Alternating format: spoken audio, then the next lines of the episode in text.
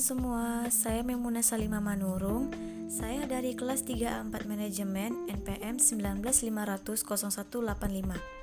Saya akan menjelaskan bab 3 tentang menelusuri arti pembangunan.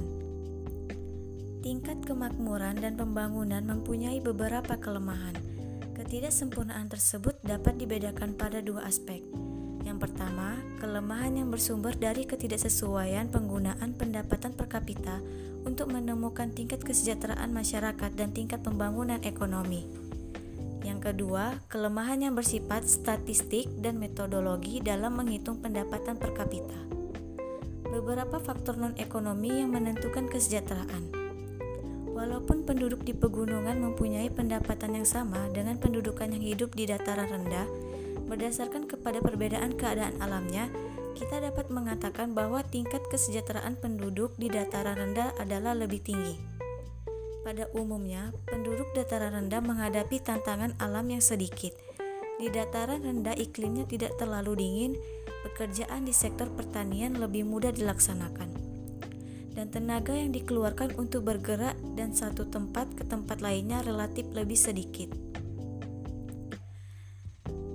Suatu keberatan lain yang acap kali dikemukakan oleh terhadap penggunaan tingkat pendapatan per kapita dapat menentukan tingkat kesejahteraan. Didasarkan kepada keyakinan bahwa kesejahteraan masyarakat merupakan suatu hal yang bersifat subjektif. Artinya, tiap orang mempunyai pandangan hidup, tujuan hidup, dan cara-cara hidup yang berbeda.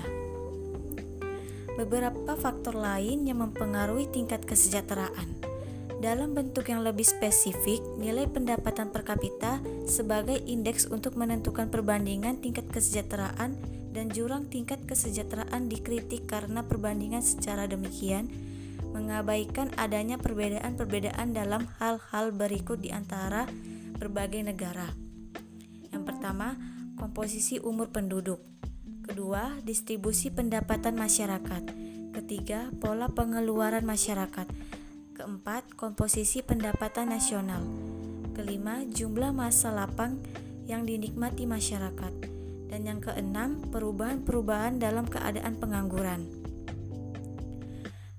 Komposisi umur penduduk di negara berkembang, proporsi penduduk yang di bawah umur dan orang-orang muda adalah lebih tinggi dari negara maju.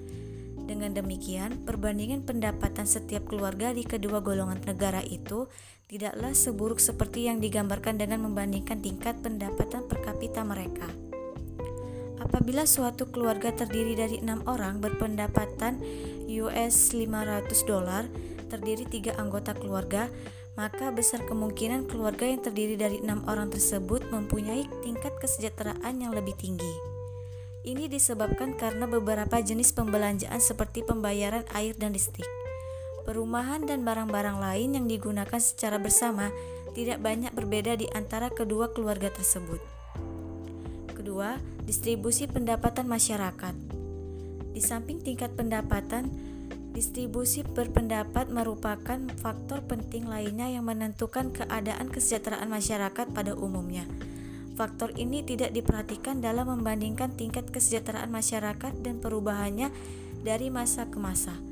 Jika indeks yang digunakan adalah tingkat pendapatan per kapita, pada akhir-akhir ini dan pengamatan atas hasil-hasil pembangunan di negara berkembang, makin meluas kesadaran bahwa walaupun dalam sejarah pembangunan negara maju telah terbukti pembangunan ekonomi pada akhirnya akan diikuti oleh distribusi pendapatan yang lebih merata.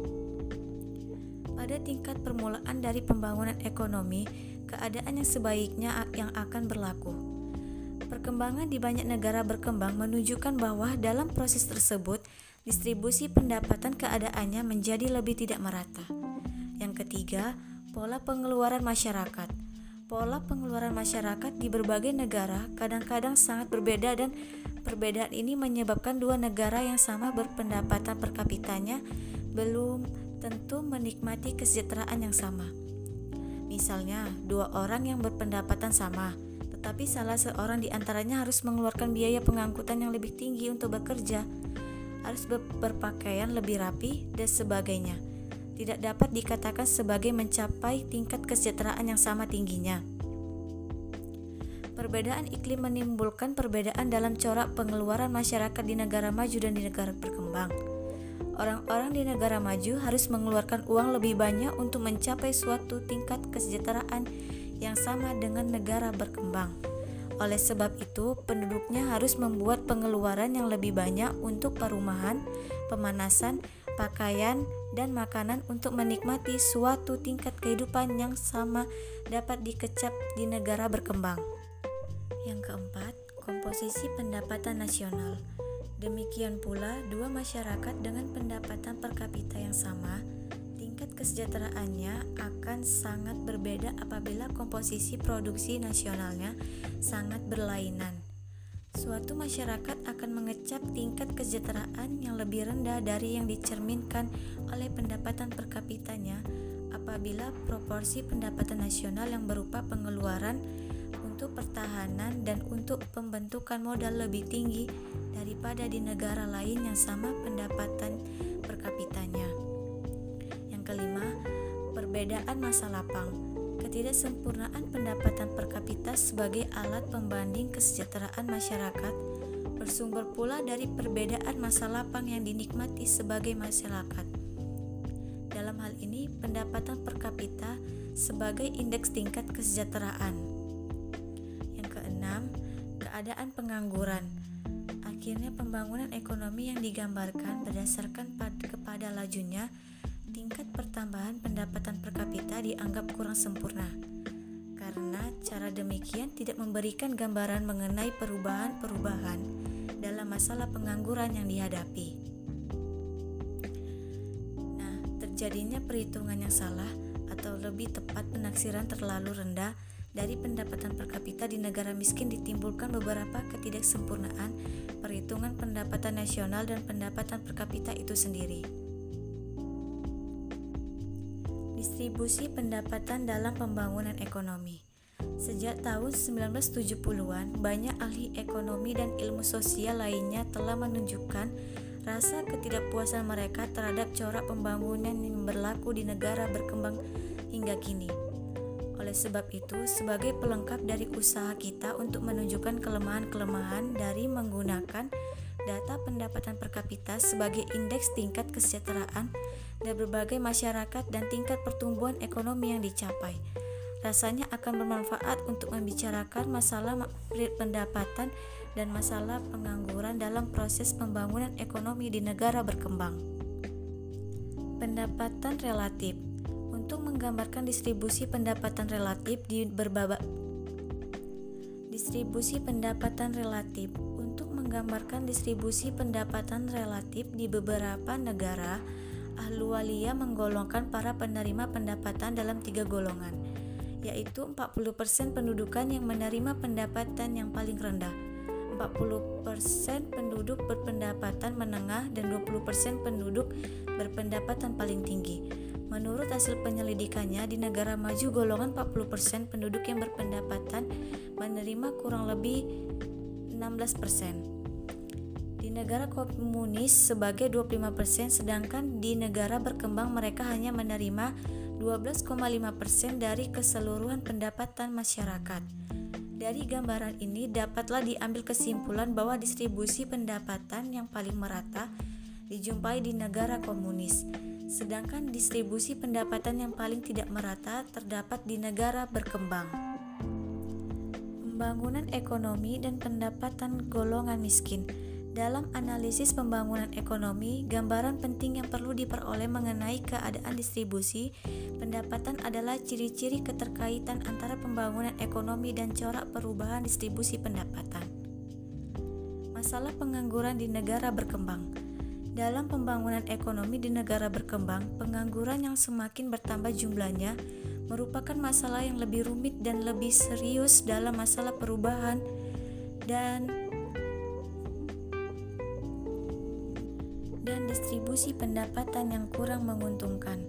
Penduduk yang berpendapatan terendah, keadaan di negara berkembang dalam beberapa dasawarsa ini menunjukkan bahwa pembangunan ekonomi tidak sanggup menciptakan kesempatan kerja yang lebih cepat dari pertambahan penduduk. Beberapa usaha untuk menyempurnakan cara membandingkan tingkat kesejahteraan. Beckerman telah membuat suatu survei mengenai usaha-usaha yang telah dilakukan beberapa pihak untuk membandingkan tingkat kesejahteraan di berbagai negara. Sebagian besar dari penelitian yang dilakukan dalam bidang tersebut hanyalah berdasarkan kepada sifat dan cara-cara membandingkan ke tingkat kesejahteraan yang dilakukan. Beckerman membedakan berbagai penelitian tersebut dalam tiga golongan.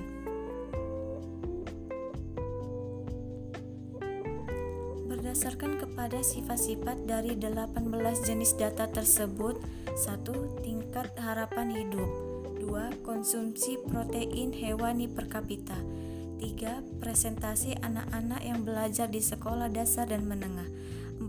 Presentasi anak-anak yang belajar di sekolah kejuruan 5. Jumlah surat kabar 6. Jumlah telepon 7. Jumlah radio 8. Jumlah penduduk di kota-kota yang mempunyai 20.000 penduduk atau lebih. 9. Presentasi laki-laki di sektor pertanian. 10. Presentasi tenaga kerja dari keseluruhan tenaga kerja yang mempunyai pekerjaan. 11. Presentasi tenaga kerja upahan. 12. Presentasi produk domestik bruto yang berasal dari industri-industri pengolahan. 13 konsumsi energi per kapita 15 konsumsi listrik per kapita 16 nilai per kapita perdagangan luar negeri 17 produksi pertanian rata-rata dari pekerja laki-laki di sektor pertanian 18 pendapatan per kapita produk nasional bruto nah itu dia 18 itu dia 18 sifat-sifat dari data tersebut. Demikianlah penjelasan dari saya tentang menelusuri arti pembangunan. Jika ada pengucapan kata yang salah dan tidak jelas, saya mohon maaf dan harap dimaklumin karena saya masih belajar serta kesempurnaan hanyalah milik Tuhan. Sekian dari saya. Wassalamualaikum warahmatullahi wabarakatuh. Salam sejahtera untuk kita semua.